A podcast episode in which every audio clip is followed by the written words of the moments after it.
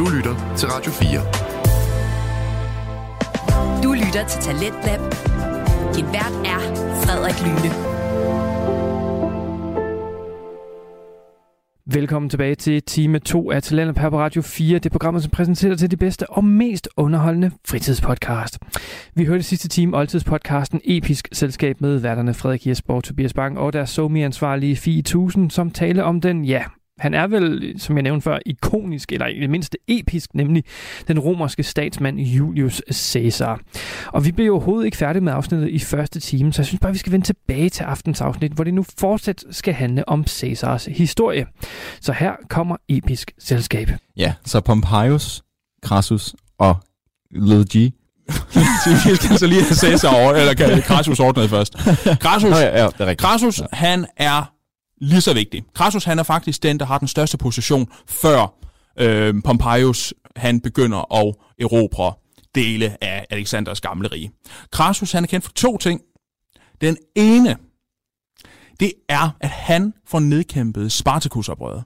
Som er de her øh, gladiatorslaver. Altså Netop. Ja. Og mange har måske set filmen Spartacus med... Ja, eller I'm serien. Spartacus. I'm Spartacus. I'm Spartacus. Og, We øh, get it. og øh, det gav ham jo en kæmpe, kæmpe, kæmpe stor... Vi skal jo lave noget med Spartacus på et tidspunkt, men det gav ham en kæmpe, kæmpe, kæmpe stor øh, prestige, ære, og så var han ufattelig rig. Og Frederik, vi har begge to boet- boet i lortelejligheder i korte perioder af vores liv. øh, der findes mange nutidige krassuser. For hvad er det, han øh, bliver rig på? Altså, han er jo konsul, så han har de her landområder. Men hvad er det specifikt, du er efter? Jamen, han, øh, han er kendt for at blive mega stor, mega rig på ejendomshandler.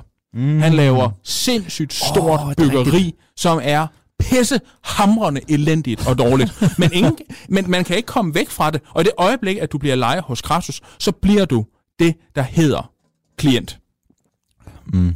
Og det er fuldstændig afgørende. For Crassus, han har en alliance med underklassen, dem der ligesom har råd til at være i hans boliger. Ja.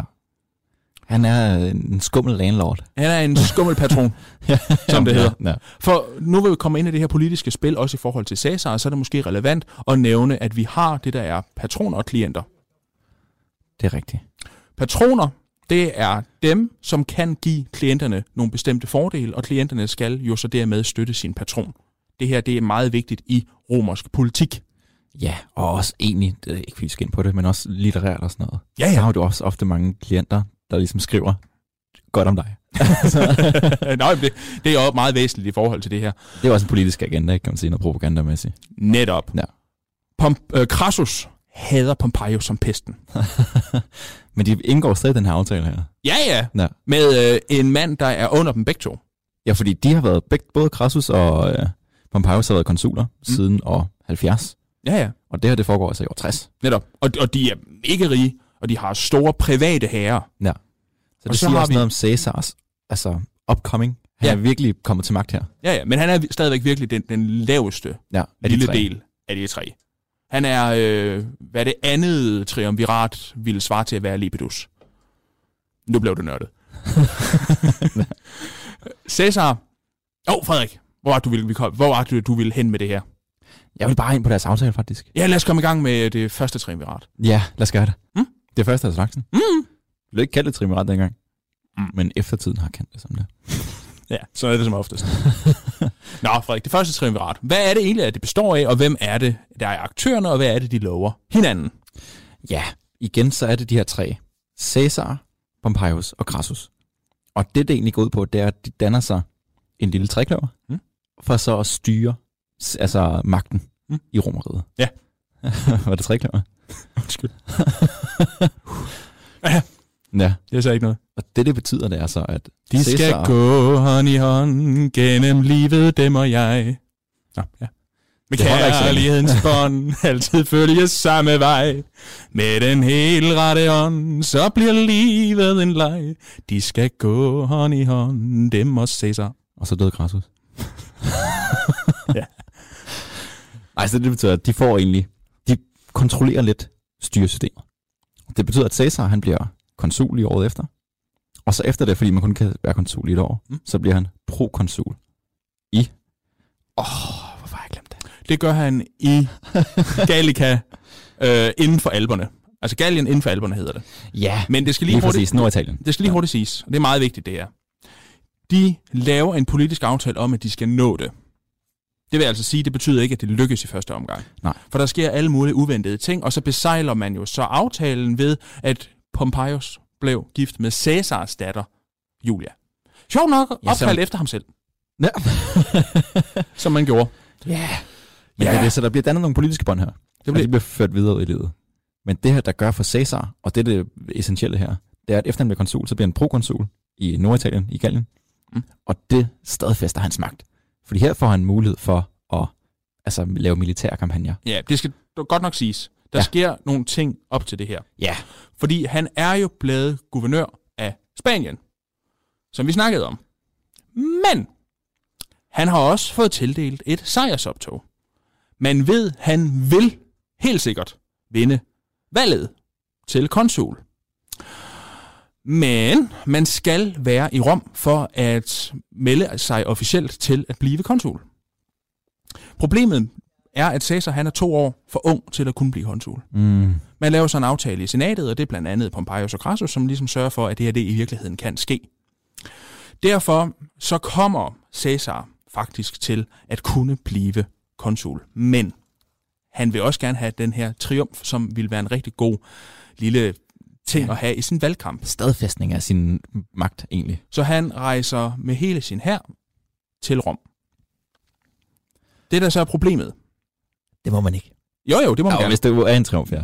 Nej, det må du ikke. Eller det, øh, forstår mig nu ret. Han rejser til Rom, men han er uden for det, der hedder Pomerium. Mm.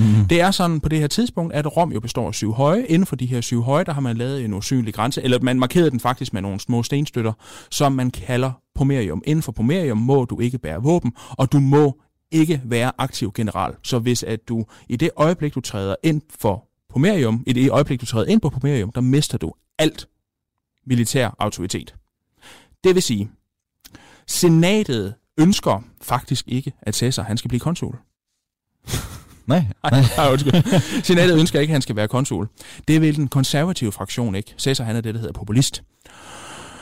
Men øh, Caesar, han vil stadigvæk gerne have den her triumf. Og det gør, at man laver en hemmelig aftale om, at man skal prøve på at forhindre Caesar i at få den her triumf. Mm. Og det gør man på en helt bestemt måde, og det er, at man glemmer, at han skal have sin triumf. Det vil altså sige, at han skal være inden for Pomerium. Jeg mener, det er F inden øh, februars udgang. Ja. Der skal han være inden for Pomerium. Og det er han ikke. Og det er han jo ikke, fordi at triumfen bliver lagt efter. Ah. Og hvis han går ind i Pomerium, så mister han al sine militære titler, og dermed så kan han aldrig nogensinde få En sin trumf for det her i sin hvert fald. tro- Lige præcis. Ja. Og Caesar han blev rasende. Ed og spændt. Rasende. og, øh, men han er jo alligevel realpolitiker. Så han opgiver triumfen. Ja. Og han rejser ind og melder så sit kandidatur.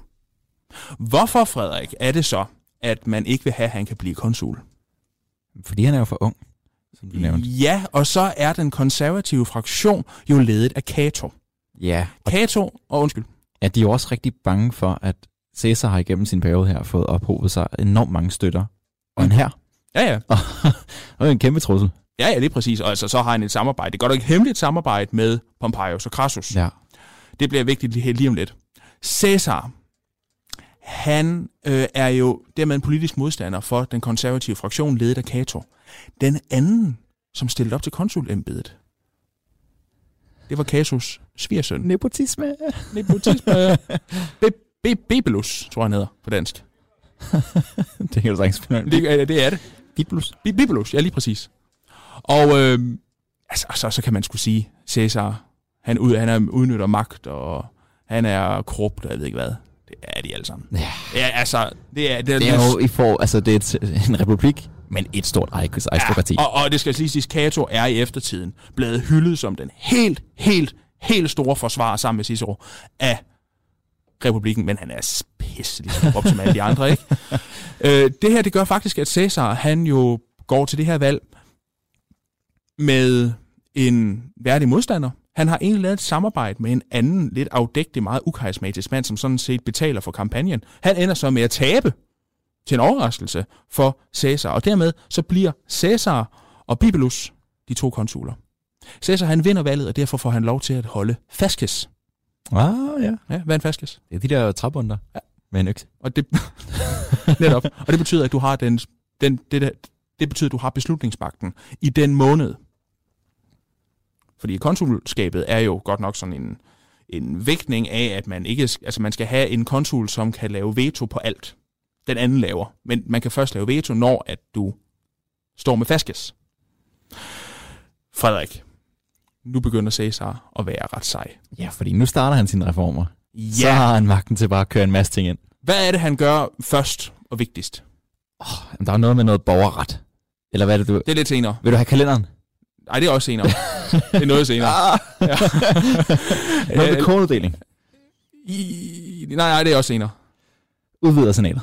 Det er meget senere. Ej, hvor laver han mange ting. ja, men det Jeg gør har slet ikke skrevet årstal på, jeg har bare... Øh, han, han laver tre reformer i sin, sin første dag, Frederik. Ja. Der laver han, landbrugs, der laver han landbrugsreform. Ja. Og den er ekstremt vigtig. Fordi alle, der, der, alle, der læser om Rom, elsker Crassus-brødrene. Hvad hedder det? Crassus? Kraki. Kraki. Crassus-brødrene. Kraki-brødrene. Kraki-brødrene. Og man kunne godt mærke på mig, at det synes jeg ikke er en skid spændende. Men de er repræsentanter for en tankegang i Rom om, at man skal forny måden at føre landbrug på. Fordi på det her tidspunkt har man det problem, at Rom er blevet til næsten en millionby. Hvordan er den blevet det? Fordi at folk stemmer til. Hvorfor? Fordi at der er de her handelsforbindelser. Det er jo centrummet nu her af verden, egentlig, den vestlige verden. Det helt, helt store problem, det er, at der er jo mænd som Crassus, som jo opkøber Åh, de små gårde Ja. til store supergårde, som bliver ledet af slaver, og så pludselig så er de fattige jord ikke noget værd. Nej. Og derfor så er de nødt til at opgive selv til sådan en som Crassus, og så blive lejer i hans lejlighedskomplekser inde i byen. Det er et kæmpestort problem, og det har været et kæmpestort problem helt siden Caesar blev født faktisk før. sådan en tvungen urbanisering. Fuldstændig. Det her, det er så væsentligt afgørende, fordi der har været kæmpet to borgerkrige over det her tema, Frederik. Og så vil Caesar ordne det på sin første dag som konsul. Hvordan gør han så det? De tre reformer? Ja, altså nu, nu det, vi har lige fokus på den reform. Okay. Der er også en Ja, anden... det, lad os starte på den. Ja, ja vi, behøver, vi, kan, vi skal ikke igennem dem alle, for det er mange. Men øh, den her reform, den er meget vigtig, fordi man jo så ret basalt set laver en uddeling af jord med statens jord, som man så giver til nogle af de mindre. Altså det, det er så en jorduddeling. Der er jo så senere noget med en kornuddeling. Øhm, den her øh, deling skal ordnes af en embedsmand, som ligesom skal bestemme, hvem skal have hvad. Og det er senatet lidt meget imod, for de ved godt, at hvis Caesar får lov til det, så bliver det jo Caesar, der skal Ja. gør det ikke. Så Caesar han skriver simpelthen ind, at jamen, det skal jeg ikke. Okay. Alle må undtagen Caesar. Ja. Og han laver faktisk nogle meget fornuftige forhandlinger, som jo gør, at man til sidst faktisk kan blive enige. Med undtagelse af Cato. Cato, han vetoer loven. Og så bliver den ikke tvunget igennem. Eller det skal faktisk siges, at han, ved, han, han, han må faktisk ikke rigtig veto den. Det må gå først Bibelus. Bibelus. Ja. Når Bibelus holder fast, må han. Det, han kan ikke rigtig gøre det før. Eller han kan i hvert fald ikke øh, stå for ligesom at effektuvis, effekt, hvad sådan noget, effektuere den her lov. Nej. Derfor så er det afgørende, at Caesar han når at få det gjort, før Bibelus får faskes. Ja. Og det er ikke så simpelt, fordi loven den skal stå offentligt i 24 dage, før den træder i kraft. Så han har i realiteten syv dage. Cato, han begynder at holde det, der hedder en filibustertale. Ved hvad det ja, ja. Ja, prøv, prøv at fortælle, hvad det er. Jamen, det er, hvor du sådan trækker tiden ud og prøver at stille problemstillinger op, som der egentlig gør der. Ja, det betyder faktisk, at du står og snakker. Ja, filibuster. Ja. du, Ja, ja. du trækker bare tiden. Du, du står og snakker. Ja. Ja. Altså, i USA har der været holdt filibustertaler. En meget, jeg kan ikke, ikke huske, hvem det var, men det er en anden stor berømt øh, filibustertale, hvor at man blandt andet har læst godnathistorie for sine børn og sådan noget. Fordi der er ikke nogen begrænsning på taletiden. Nej. Og Så det Caesar bare bliver- bliver jo rasende. Og det ender så faktisk med, at han kan ikke få det godkendt i, øh, i senatet, så han effektiviserer bare loven. Så han agerede faktisk som diktator. Ja, fordi han, også, han har også været valgt som det, der hedder folketribun Ja. på et tidspunkt. Og han har jo øh, underklassens magt, eller underklassens, Ja, Hvad hedder sådan noget, altså- Som, øh, Ja. ja. ja, lige præcis, Opbakning. opbakning, ikke? Og der er jo forskellige ting, de skal igennem, og han får den så godkendt på en af de her forsamlinger, som så er Tribune of the Plebs. Nej, undskyld, han er triple, han har været triple of the plebs. Hold kæft, jeg snakker helvede til. Nej, Forsamlingen af. Ja, plebejerne. Plebejerne. Hold nu kæft. Øhm, der var også mange fremmedord lige nu. ja, jeg er ked af det, Det er godt. men det er vigtigt. Og til den her forsamling, der kommer Bibelus. Og han snakker. Nej! Nej. Han bliver overfaldet af befolkningen, Okay. og han er bange for, at han skal dø. Men de kaster afføring i hovedet på ham. Der er der møde i senatet, hvor Bibelus han tager ind til Rom, holder et møde med forsamlingen og siger, Cæsar han skal fængsles, eller i hvert fald Cæsar han skal stribes for sit konsulship, fordi han bruger masse vold Mod Bibelus. mod Bibelus. Ja. Hele den konservative fraktion, de er jo sådan set med Bibelus, og det ville egentlig gøre, at Cæsar han kan risikere at blive fængslet. Men han har jo lavet det her triumvirat, Frederik. Det har han jo. Ja. Ja. Så han har noget opbakning. Ja, fordi talerækken er ufattelig vigtig. Bibelus han er den første, der taler. Han har Faskes, Han er Faskes. Så er det Cæsar, og så er det de to foregående konsuler. som er Crassus og Pompeius. Ja, og pludselig så har de fire ud af de fem, øh, fire ud af de, ja, fire af de vigtigste medlemmer af senatet faktisk sagt god for Cæsar. Og der er ikke nogen, der ved på det her tidspunkt, at Crassus og Pompeius sådan set holder med Cæsar. Nej, for det skal også siges, første triumvirat, det var en privat aftale. Ja, en hemmelig, hemmelig aftale. aftale. Ja. Så, så senatet ender faktisk med, at øh, Cæsar han, ja, får lov til at, at gøre præcis, som han vil. Ja, han bliver der jo året ud. Ja. Ja, lige præcis. Men jeg elsker hans, jeg elsker hans øh, år som konsul. Det er derfor, det blev lidt nørdet. Det er, han er virkelig, virkelig bladet. Det er Han helt laver også mange ting. Ja, øh, alle de her ting, han laver, alle som en, det vil Bibelus lave veto mod. Men efter den her ydmygelse i senatet, der vil Bibelus ikke vise offentligt. Og når han ikke møder op, Jo jo, jo jo, altså han kan putte veto på alt, hvad han vil. Eller, undskyld, det er jo noget, jeg siger, han kan ikke putte veto på alt, hvad- alt, hvad han vil, men han er præst. Som konsul er du også præst. Så derfor, så alle de dage, hvor der er afstemninger om Cæsars reformer, der laver han helligdag. og det gør samtlige Åh, oh, det er så petty. Ja, ja, det er helt vildt. Og det gør samtlige af Cæsars reformer, øh, det, det gør faktisk, at de ikke er, er rigtig ude af effekt. Nej. Med den ene undtagelse at Cæsar han har været fremsynet. Så han har været? Ja, han er Pontifex Maximus. Ja. Han har ladet den sig vælge som Pontifex Maximus. Ja. Ja, der er på et tidspunkt, hvor at han, kan, han faktisk allerede 63. nemlig, han kan stå mellem at blive, jeg mener det er prætor, eller øh, han, kan, han kan vælge at blive prætor, som faktisk er en meget, meget stor rolle, men han vælger i stedet for at lade sig vælge som Pontifex Maximus. Præcis, og så bliver han præget året efter alligevel. Net, net. og, og, og det der med, at han er Pontifex Maximus, gør, at han er den ultimative brobygger. Ja, Pontifex Maximus, det er den øverste guddommelighed. Netop. Af mennesker. Ypperste præsten. Øverste præsten, ja lige Ja, præcis. Paven. Altså, paven. altså, pavens officielle titel er Pontifex Maximus. Ja. Altså, sådan seriøst. Ja, det er, Nå, ja. og det gør, at øh, Cæsar jo siger, det er mig, der er den største religiøse autoritet. Hvordan kan, øh, hvis jeg siger, at der ikke er en helligdag, så er det en helligdag. Hallo? Og det gør, at Cæsar han faktisk får lov til at, at gøre alt det her, han vil. jeg kom igennem med det her. Ja. Hans første konsulskab, det ender jo, sjovt nok, på et tidspunkt. Ja, før den her vil jeg gerne lige have det, der faktisk har størst effekt ja, undskyld, dag. undskyld. Ja. Hans ja, kalenderreform. det er slet ikke endnu. Åh, oh, det er, er det nej, ikke år? nej, nej, nej, nej. Det er efter, han har været i Ægypten. Nej, det er rigtigt. Ja. Nå, så venter vi med det. For det bliver mega, afgør- mega afgørende senere. Frederik. Tobias. Bibelus, han er altså kendt for at være den dårligste politiker i verdenshistorien. det er klart, hvis han ikke har haft noget erfaring og bare har fået at vide af stepdaddy. du skal nu... Nej, Hvad så? Kato? nej, ja, ja, I get it, I get it. Ja. Stepdaddy. Ah, det er jo selv, der ligger et eller andet i hovedet. Daddy. Frederik, det kan blive mere seksualiseret. Og du har også givet Cæsar pornonavn, og jeg ved ikke hvad. Jeg synes, Lil G er et ekstremt dårligt pornonavn. Ja, hvis det det er det, du mener. Hvad kunne det, hvis der hed Big G eller sådan noget? Nå... Ej, jeg synes stadigvæk, det er et. Anyway. Ja, Biblius er en dårlig politiker. Han er en helt vildt dårlig politiker. Det er helt vildt pinligt, fordi at han, er jo, han er jo sådan set konsul, ikke? Øh, men han har jo ikke vist sig hele året, og i det øjeblik, hvor Cæsar han skal holde sin afslutningstale, så kommer Bibelus. Viser sig lige pludselig. Fordi nu vil han jo gerne stå og fortælle, hvorfor han har gjort, som han har gjort. Han har, han har i virkeligheden nok jo gjort det her som en symbolsk handling, der siger, at jeg vil ikke øh, acceptere noget af det, Cæsar han har...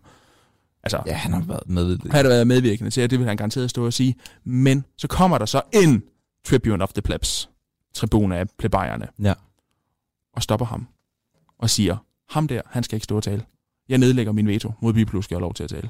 og så er Biblus nødt til at tage afsted igen. Ja. Og det viser også bare Cæsars magt på det her tidspunkt. Ja, tror du, at Bibelus han er væk fra den her historie? Nej. Det kommer meget senere. Ja, fordi at, så er der nogle år her, hvor Cæsar tager er prokonsul. Ja, vi, ja, altså han får det afsluttet, og ja. det skal lige hurtigt siges. Han bliver prokonsul af Gallien inden for Alperne, som det hedder. Ja. Norditalien. Ja, øh, og det bliver faktisk kun af øh, Norditalien, fordi man laver en politisk aftale, hvor han så faktisk får to provinser. Det er ikke helt unormalt. Det er egentlig, okay, det gør, at han får fire øh, legioner under sig. Ja. Det er ikke, Som er de her herrer. Ja, præcis. Det er en herinddeling. Det er ikke helt unormalt. Men så dør der helt tilfældigt en nabokonsul. Ej. Jo, helt tilfældigt. Ej, det var en skam. Der på grund af triumviratet, der får Cæsar også den. Ja. Så han får faktisk tre. Og det har været hårdt for ham at styre tre. Og få to legioner mere. Ja, ja, det var mega højt. Hvor det hævligt. Ja. Kæft, hvor er det nederen, mand.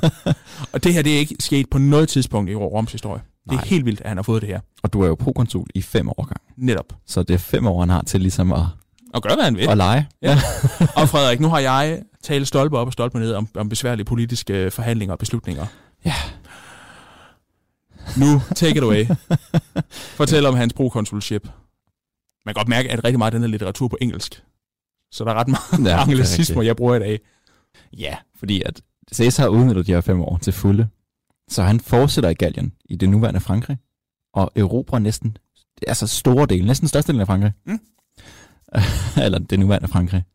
Igennem nogle lidt questionable, lidt... Ja, er mildstalt. Ja, han dræber rigtig mange mennesker. Ja, ja og det er plyndrer rigtig meget. Ja. Og selv i samtiden, som er en lidt, altså, hårdslående ja. kultur.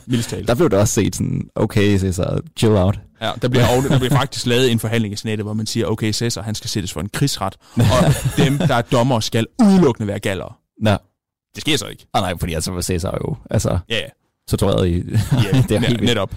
Men ja, Men så, han erobrer et kæmpe, kæmpe landområde. Og det er jo egentlig ham, der har underlagt det. Men det er jo romeriets. Ja, ja. Men, men det er jo heller ikke helt så simpelt, fordi at han får jo underlagt det meste af Gallien, men så kommer der jo så et kæmpe stort oprør, Ja. ledet af en gallisk fyrste, som hedder... Oh, jeg har lyst til at sige Obelix og Nej, Asterix. det er Obelix og Asterix. Vercingetorix.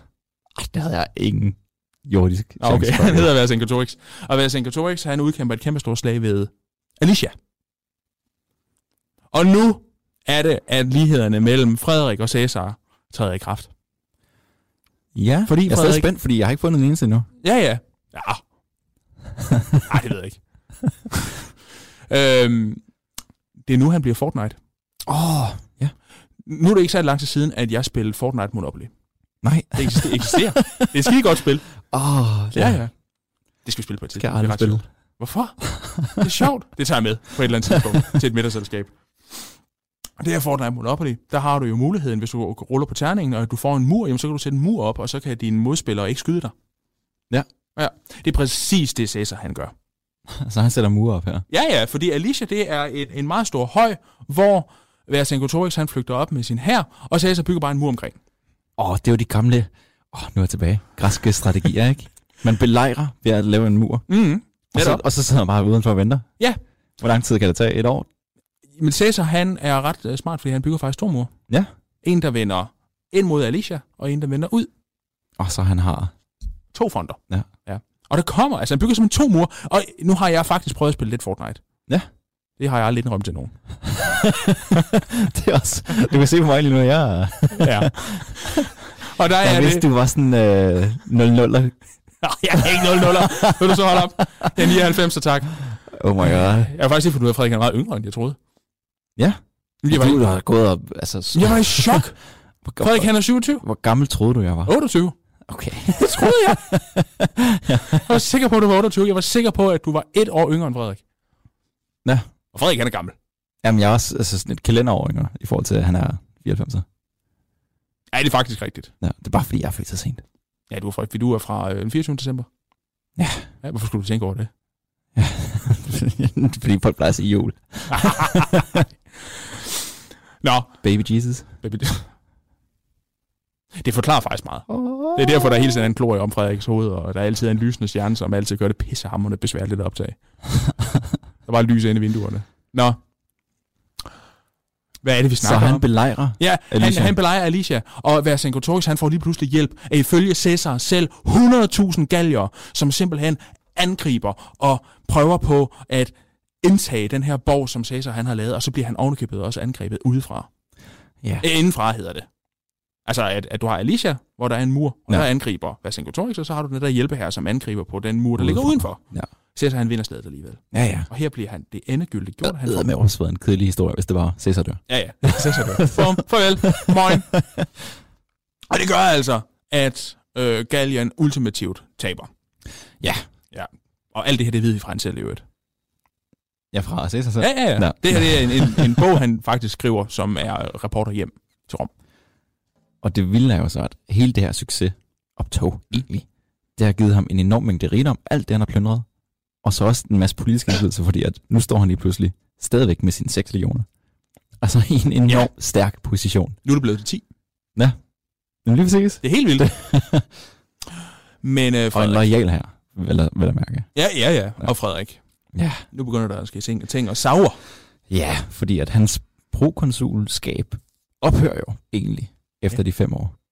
Men lige året før det, i år 56 før vores tidsregning, der har han lige et nyt møde med nogle, nogle gamle venner. Uh. Ja. Hvem er det? Peter I Plys? Luca. Peter Plus. Nej, det ved jeg ikke. Det er med Crassus og Pompeius igen, du. Mm. Ja. De holder et møde i den skønne, skønne by Luca. Har du været, Luca? Nej, det har jeg ikke. Nå. Jeg ved, hvor det ligger. På grund af EU4. Der er så lækkert det, Luca. Hvad siger du? Der ligger det, Luca. Ja. Jeg har ikke været Luca. Men, Men- øh, på Ginny. Jeg har jo lige været i Milano, faktisk. Ja, ja, ja. Ja.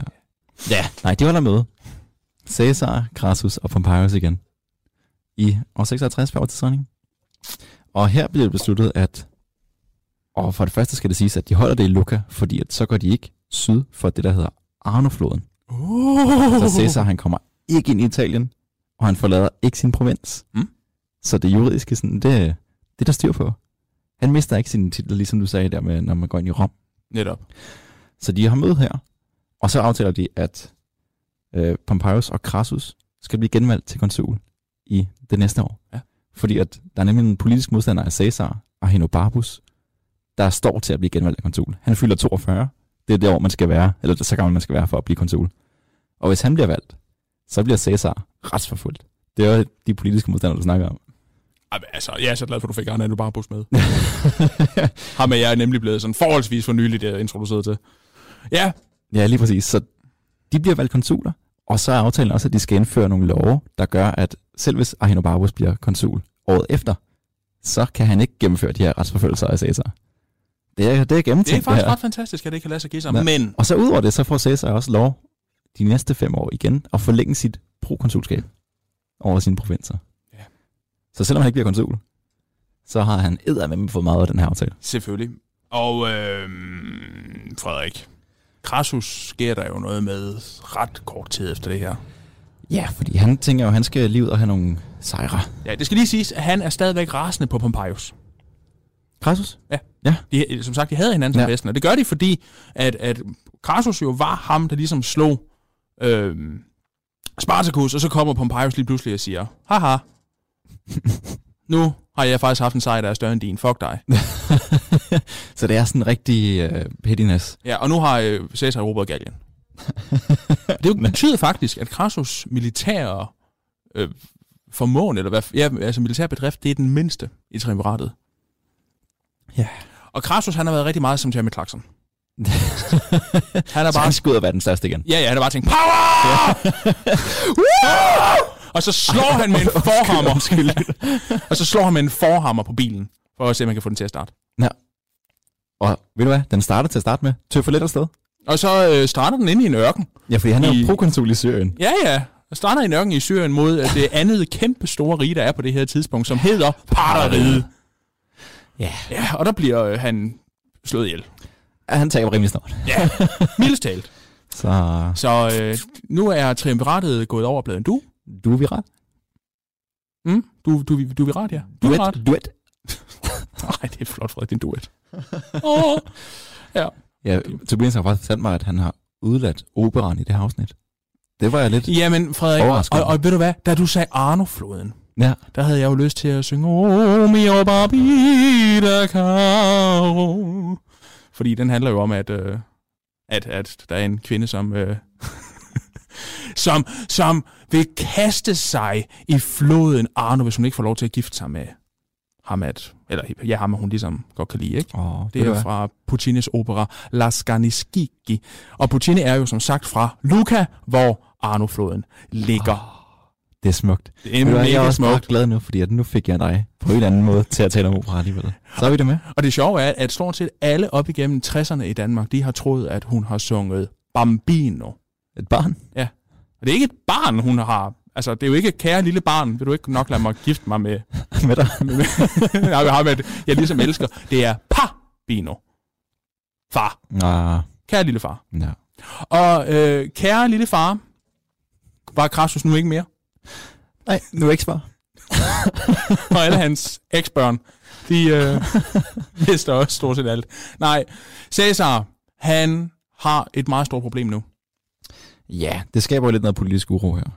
Mm-hmm. Fordi triumviratet, det er faldet fra hinanden. Der er kun ham og Pompeius tilbage. Ja. Men Caesar har jo stadig den magt, han har fået tildelt. Ja, ja. Så han står ikke helt på bar fod. Men Men der sker alligevel nogle ret vigtige ting, fordi han rejser jo med én legion til Rubicon. ja, Ja, og det gør han jo, fordi... det gamle historiske magasin, ma- magasin på SDU. Ja, Rubicon. Som er opkaldt efter en flod, vi ikke rigtig ved, om eksisterer. Jeg tror, altså, jeg tror, det er Arno-floden.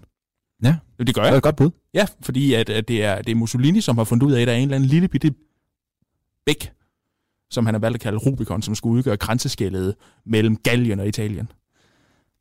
Som ligger lige ved Luca alligevel. Hvorfor skulle det dog så ikke være Arno-floden? Ja. Nå, anyway. Du lytter til Radio 4. Vi er i gang med aftens time 2 her i Talent på Radio 4. Det program, hvor skal du mulighed for at høre nogle af Danmarks bedste fritidspodcast. Vi er i gang med at høre oldtidspodcasten Episk Selskab med Frederik Jesper og Tobias Bang, og ikke mindst deres somi-ansvarlige Fie 1000, som taler om den romerske statsmand Julius Caesar. Og vi skal nu høre, hvordan det her med, at to konsuler det blev til ét. Så lad os bare vende tilbage til podcasten og høre om det. Her kommer Episk Selskab. Og øh, der, det bliver rigtig kompliceret, hvis vi skal se at forklare, hvad der sker nu. Ja. Fordi, ved du, Ja, Crassus dør i år 54. Og i år 52, der er det Pompeius, der er konsul igen. Og der dør hans medkonsul, Clodius. Ja. Så Ja. han bliver ene konsul. Pompeius, han bliver jo som sagt ene konsul, men Pompeius, han er jo faktisk kendt for at have en meget stor penis. Jamen, det har vi snakket om, ja. Ja, Ma- Magnus Magnus. Magnum. Magnum.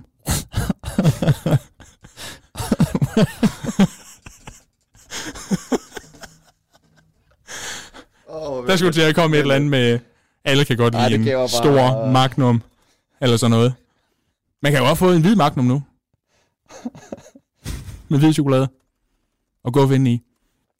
Han er kendt for hans store penis, for han er snart dum. Ja. Ja, Så han er ene konsul. Og hvad sker der så? Jamen altså, han bliver jo overtalt af den konservative fraktion i Rom. Ja. Ja, han taber Så. så. sit øh, kæmpestore kondom lige foran dem, og vi ryster lidt sin mås, og... Ja, nå, nej.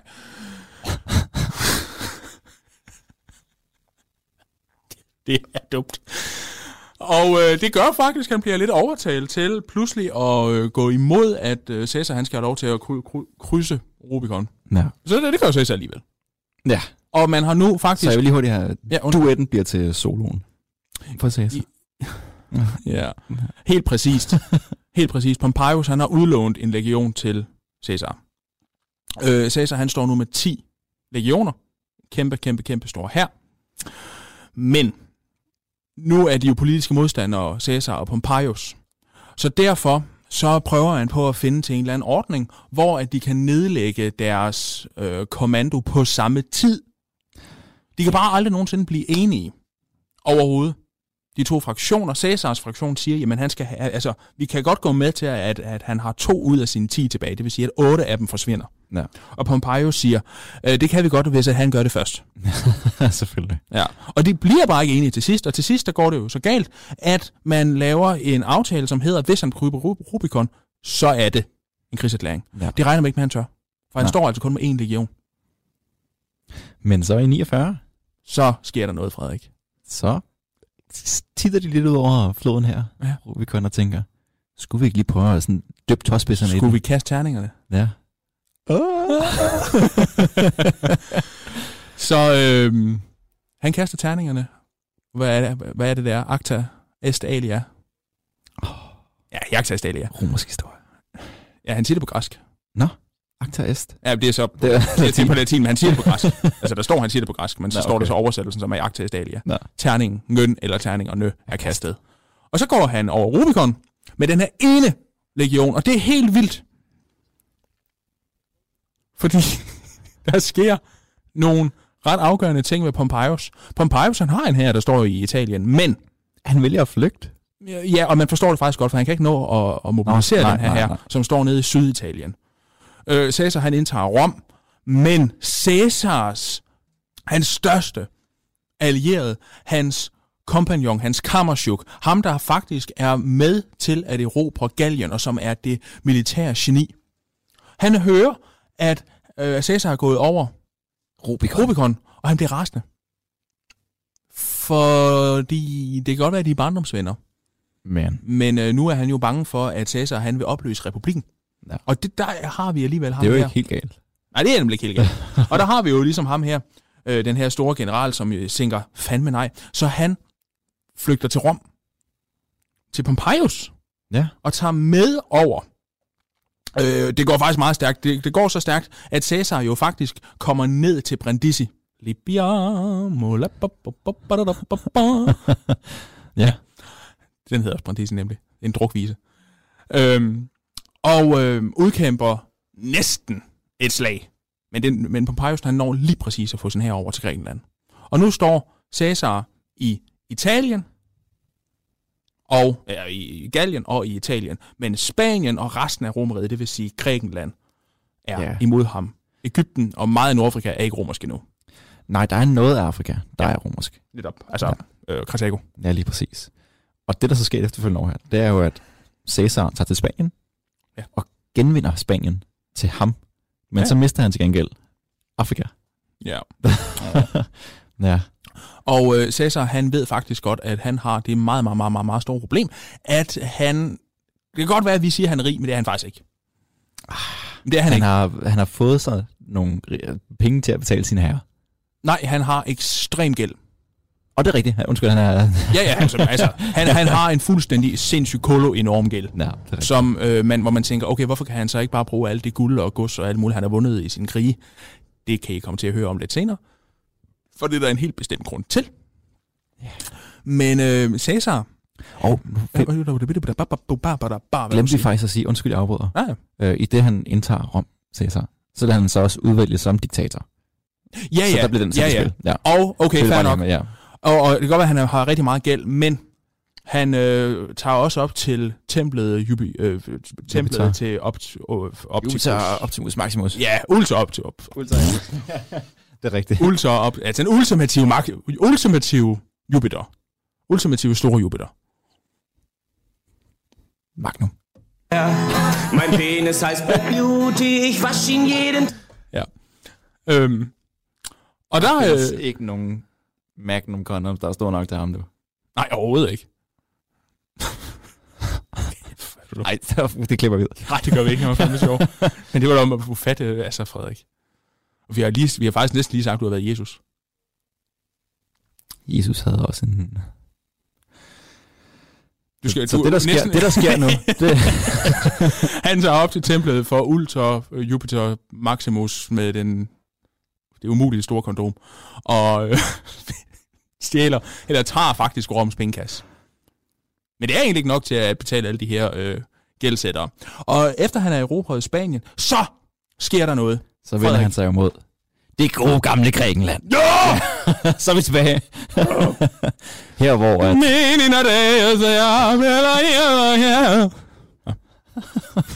Sorry. det her hvor Pompeius, han, øh, han kryber sig i frygt. Egentlig ikke. Nej, han er derovre. Ja, han er over. Og Pompeius, han øh, ved faktisk godt, at han har både en større her, og det går meget hurtigt med at få en god her, og han har også mange flere penge. Ja. Og hele senatet faktisk er på Pompeius' side. Ja, altså det var, det var ren magt, Ja, ja. at Caesar er diktator. lige nu. Pompeius, han har en øh, kæmpe stor flåde, Frederik. Hvem tror du, den er ledt af? Åh, oh, en græker. Nej, Nej, ham selv. nej, Bibelus. Bibelus, han selv. Ja. og Bibelus er, Åh, oh, et godt valg. ja, og Bibelus er en idiot. og det er han altså.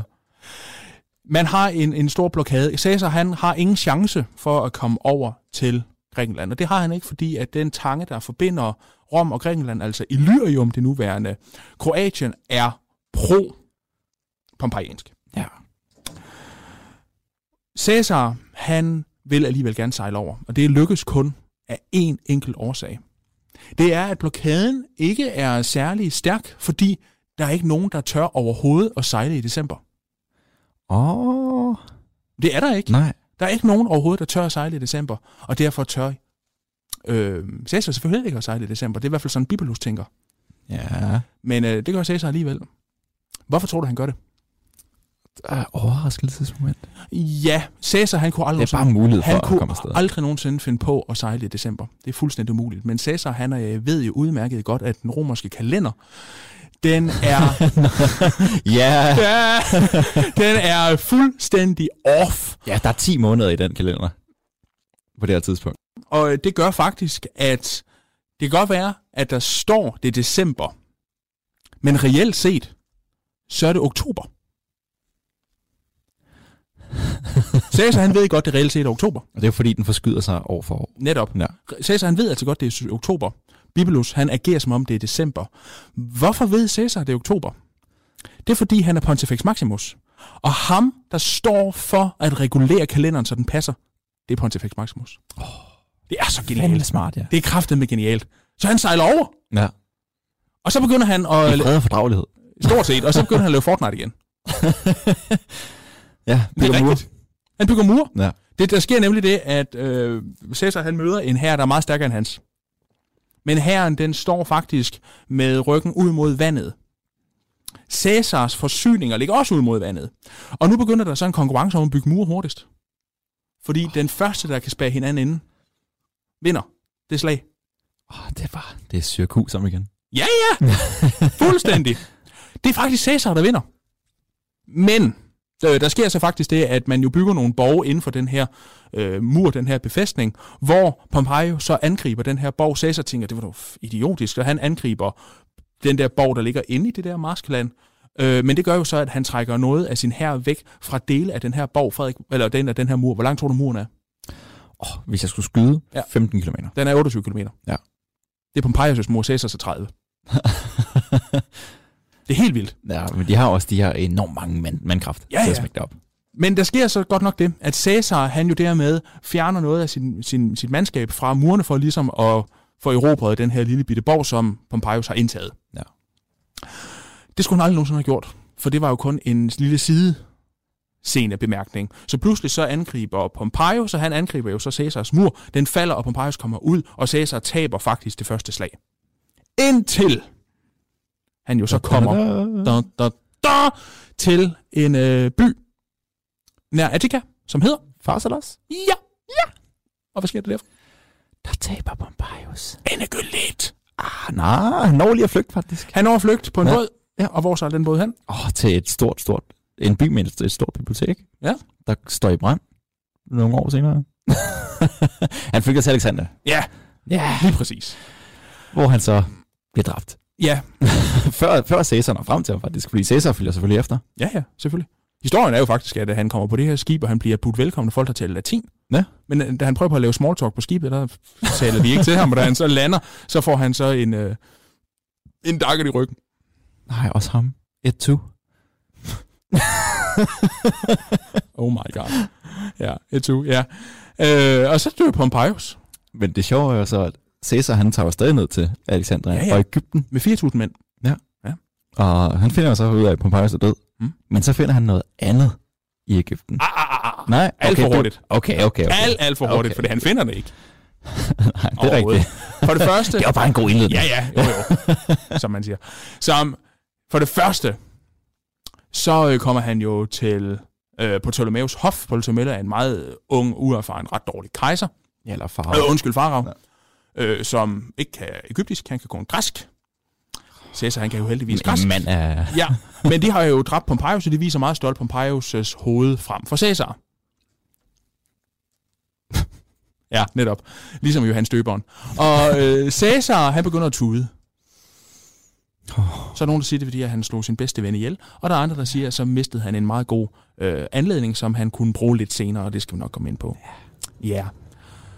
Men Cæsar, han begynder jo at blive rasende, fordi Frederik, en af de her... Der er også det her med, at, Pompeius var jo også gift med Julia, Caesars datter. Ja, Så der er også lidt følelsesmæssigt, jo, jo, måske. Jo, jo, Ja, ja. selvfølgelig. Nej, ja. Men, men Julia er jo død på det her tidspunkt. Det er rigtigt. Ja, ja, Julia hun dør. Ja, det er rigtigt. Julia hun dør, og Cæsars mor dør også, og øh, han, ja, der er en masse... Der sker helt meget, mens han er i Ægypten. Men det, der sker i Ægypten, Frederik, det er helt vildt sindssygt. Det er fuldstændig, fuldstændig vanvittigt. Helt tilfældigt, kan du huske, vi snakkede om alle de reformer under hans første konsulskab. Hans konsulskab hedder det på dansk. Ja, Ja, en af dem, det var, at Ægyptens konge døde. Ægyptens farag var kun farag over Ægypten, fordi han øh, betalte romerne en shitload penge. Ja. I sit, det er jo det her gamle hellenistiske rige, egentlig, Ægypten lige nu her. ja, i sit testamente, der giver han Ægypten til romerne. Det er rigtigt, vi står og nikker. Ja, det står han ikke. Og Cæsar, mens han er konsul, siger faktisk, det er fint mod, I betaler os helt vildt meget. Ja. De betaler aldrig.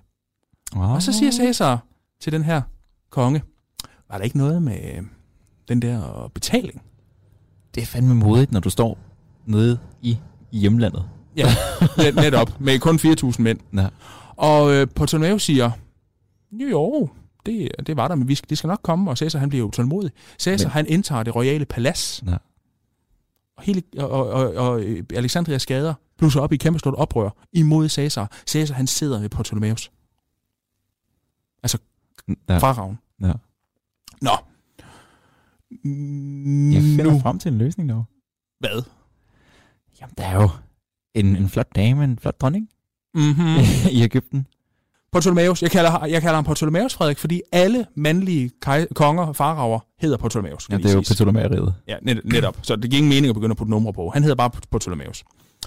Han øh, har et meget stort problem med sin kone og søster, Kleopatra.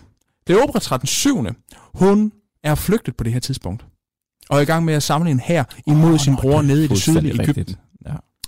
Kleopatra, hun ser jo så godt nok anledningen til, at der lige pludselig står en romersk hær inde i Alexandria. Det kan hun udnytte. Så hun finder en af sine bedste, mest loyale mænd, der er rigtig god til at snakke. Han havde en lille penis. Meget lille ben. Meget lille penis. Ja. Og det var nemlig Apollondor. Og det er ikke den Apollondor. Nej, nej. Nej, nej. Øh, og de laver en genial plan for Apoll- Apollondor. Han er mega god til at snakke. Så øh, de øh, rejser syv dage på Nilen. Øh, Kleopatra hun bliver pakket ind i noget vasketøj. Og det her vasketøj, det bliver så båret igennem Alexandria. Han får talt sig ind i det royale palads. Han får talt sig helt ind i Cæsars rum, hvor han så stiller den, går ud og opspringer Kleopatra. og vi ved ikke, hvad der sker den nat. Naked as the day she was born. Hun har faktisk nok set forfærdelig ud, fordi at hun har jo været på langfart i syv dage, og det er der jo nogen, der tænder på. Cæsar, han har i hvert fald været helt pjattet med hende. Og, øh, Og muligheden, hun... ja. Ja. og hun ser jo sådan ligesom en mulighed for, at jamen, hvis hun ligesom bliver støttet af Cæsar, så kan hun meget nemmere blive farag og ligesom styrte sin bror. Og mand, Ja. mega ulækkert. Jeg ved faktisk ikke, om farag er det rigtige term. Det kommer jeg helt i tvivl Det er om. farag. Er det også det, efter yes. Ptolemæeriet Ja, ja, ja, ja, ja, ja. ja, super. Det er meget vigtigt faktisk, fordi ja. At en Rex konge, det er jo... For, altså, Rex har ikke nogen, så på den måde, religiøse konnotationer Nej. i Ægypten. Farag. Har. Gud på jord. ja. Kleopatra, Frederik. Ja. Hun er en af de der helt store historier, som vi nok skal lave et afsnit om. Men det gør Det vi. bliver vi nødt til. Jamen, fordi, også fordi at det er faktisk hendes død, der ligesom Også fordi der er så konkluderer... Opera, du gerne vil være med. Mm, ja. ja, vi kunne lige så godt komme med ved Cæsar, jo. ja. Ja. Men også fordi det konkluderer jo faktisk enden på hellenismen, som er den sidste græske alder. Det er det sidste af de der hellenistiske riger, der falder. Netop. Det falder jo så først lidt senere reelt Ja, ja, set. ja, ja. Men ja. Det skal lige siges, Kleopatra, hun laver den her alliance med øh, Caesar, men der er det kæmpe store problem, at Caesar han er belejret inde i Alexandria med næsten hele Ægyptens hær. Han kan på ingen måde komme ud. Han står med den romerske flåde i Ægyptens havn, som så heldigvis ligger op til den royale havn, som ligger i forbindelse med det palads, han ligesom har indtaget. Ja.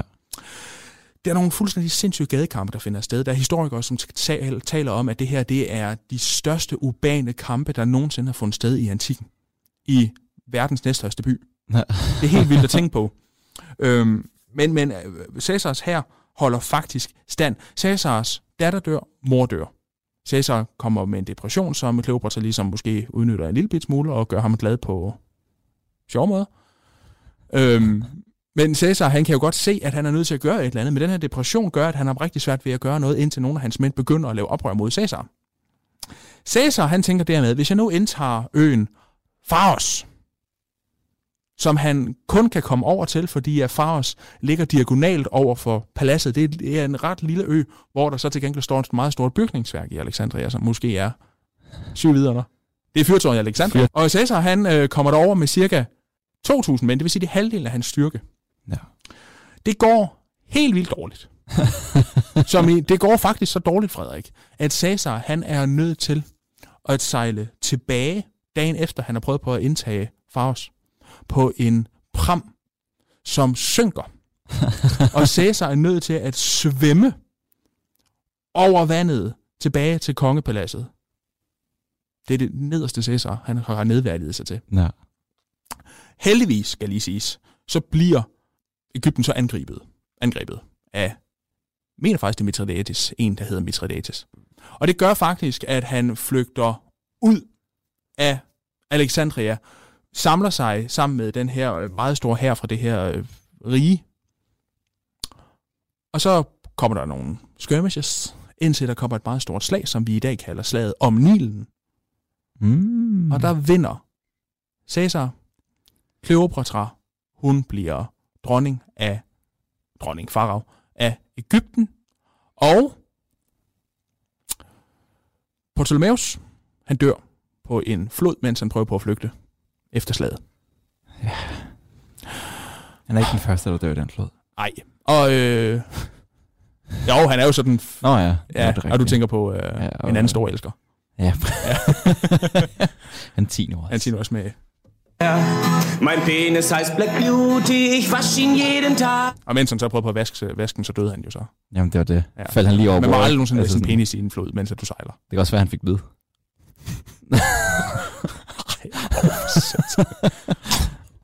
Ja. Nå. Nå, nå, nå, nå, nå. Ja. Ej, Frederik. det gjorde ondt i mine testikler. øhm, Du lytter til Radio 4. Du lytter til Talenter på Radio 4, og vi er, ja, desværre simpelthen ved at være ved enden på aftens program.